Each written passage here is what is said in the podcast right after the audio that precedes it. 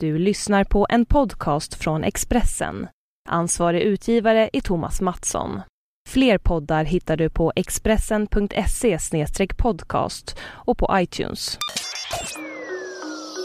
Det här är Expressen Dokument om satsningen som delar Umeåborna av Maria Brander som jag, Johan Bengtsson, läser upp.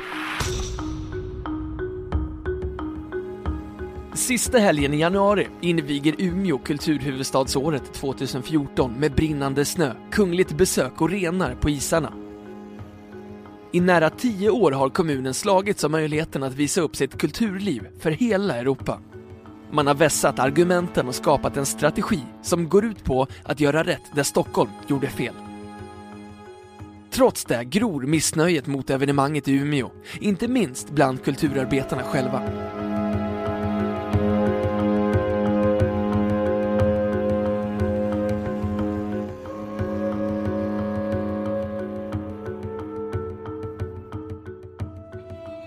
Det är som att läsa en passage ur Uppenbarelseboken. Snön ska brinna, mörker ska bli ljus, gator och torg ska pulsera. Men det är ingen domedagsprofetia, utan något så banalt som ett utdrag ur programbladet för invigningen av Umeå 2014. På Umeälvens is ska fler än 30 000 människor samlas. Glödande is och varma brasor kommer att blandas med doften av samiskt långkok och ljudet från elektroniska musikfält. Det blir celebra besök.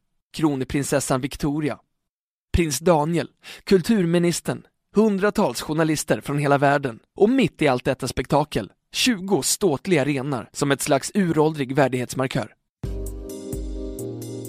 Detta är givetvis inte gratis.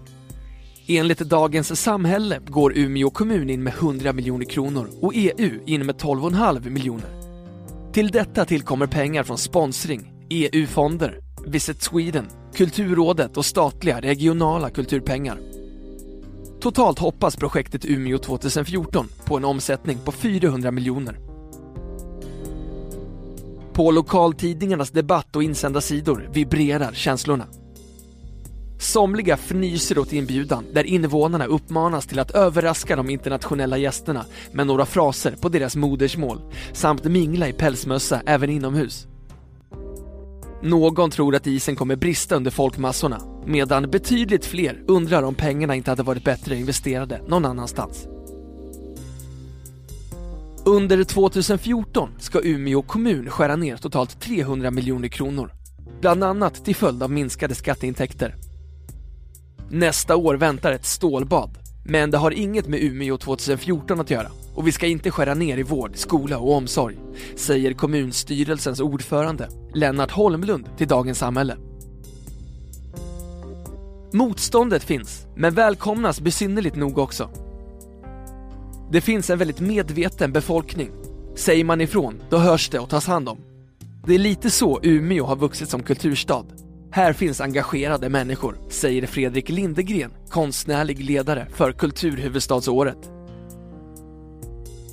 Sen läser han stolt ur EUs motivering till att valet föll på Umeå, där man skriver om den oemotståndliga passion och gemenskap man känt av i staden. Själv har Fredrik Lindegren jobbat med projektet sedan 2006. Tidigare var han verksam som skådespelare och regissör, men så en dag fick han syn på en annons i tidningen där man efterfrågade en projektledare för Kulturhuvudstadsåret. Han sökte och fick jobbet. Sedan dess har mycket hänt. Folk har kommit och gått, fötts och dött. Det har blivit en del av livet. Med det sagt, Lindegren brinner för det här projektet och drivs av tron på att satsningarna kommer att överleva även bortom 2014. Kulturen, tror man, är en viktig faktor bakom att Umeå kommun växer. Man har mycket att vinna om man hanterar kulturhuvudstadsåret rätt. Umeå har satsat på kultur sedan 1974. Staden har vuxit och utvecklats markant under de här åren, säger han. Skådespelerskan och komikern Pia Johansson var 16 år när hon 1976 flyttade från Umeå för att gå på teaterskola. Hon minns en annan tid. Min yrkesvalslärare sa till mig att teater, det är inget arbete, det är en hobby. Det kan du hålla på med på fritiden, säger hon på sin bredaste norrländska. Pia Johanssons familj bor kvar i Umeå och hon besöker därför staden regelbundet. Hon tror verkligen att statusen som kulturhuvudstad kan göra skillnad. Jag tror redan att de vunnit mycket på det. Det blir mycket internationella möten och spännande människor som kommer. Det bildas nya grupperingar och nätverk som kanske blir roligare eftersom man är i en mindre stad. I Stockholm blir det ju mer splittrat. Men alla kulturarbetare är inte lika positiva. Kommunen har gett staden en så kallad ansiktslyftning med ny shoppinggalleria samt ett nytt kulturhus ritat av den internationellt kända arkitektbyrån Snohätta. Samtidigt har klassiska replokaler och musikscener fått stänga.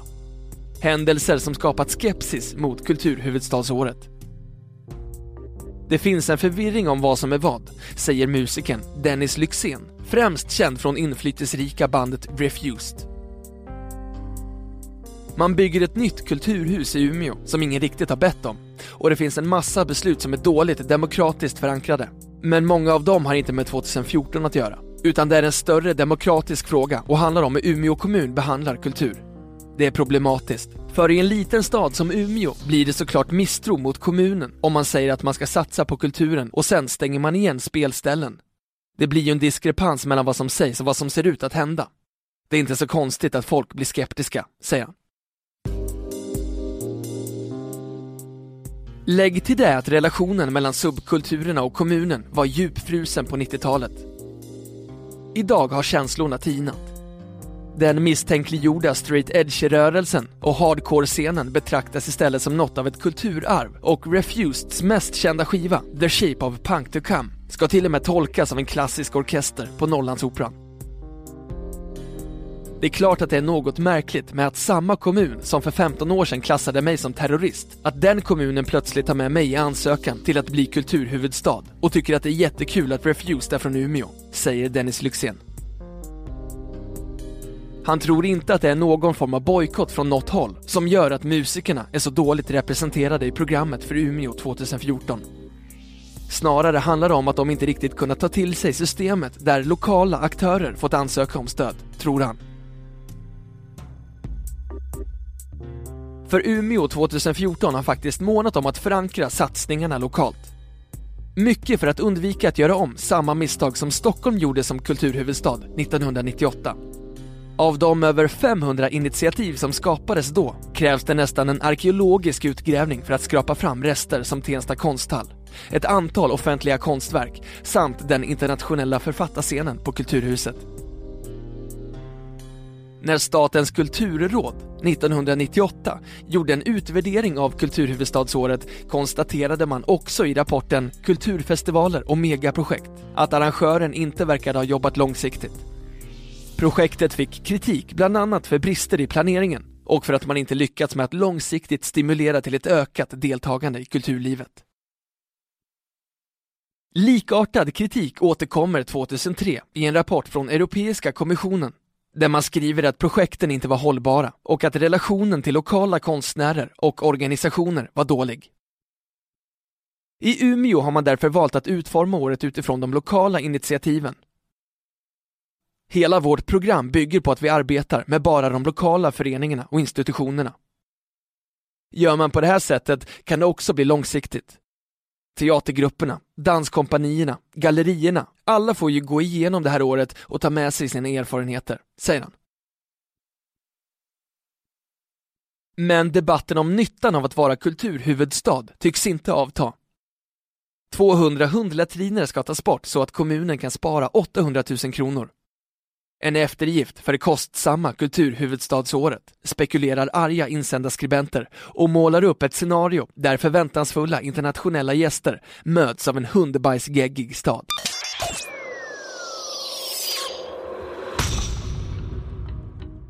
Du har lyssnat på en podcast från Expressen. Ansvarig utgivare är Thomas Mattsson. Fler poddar finns på Expressen.se och på iTunes.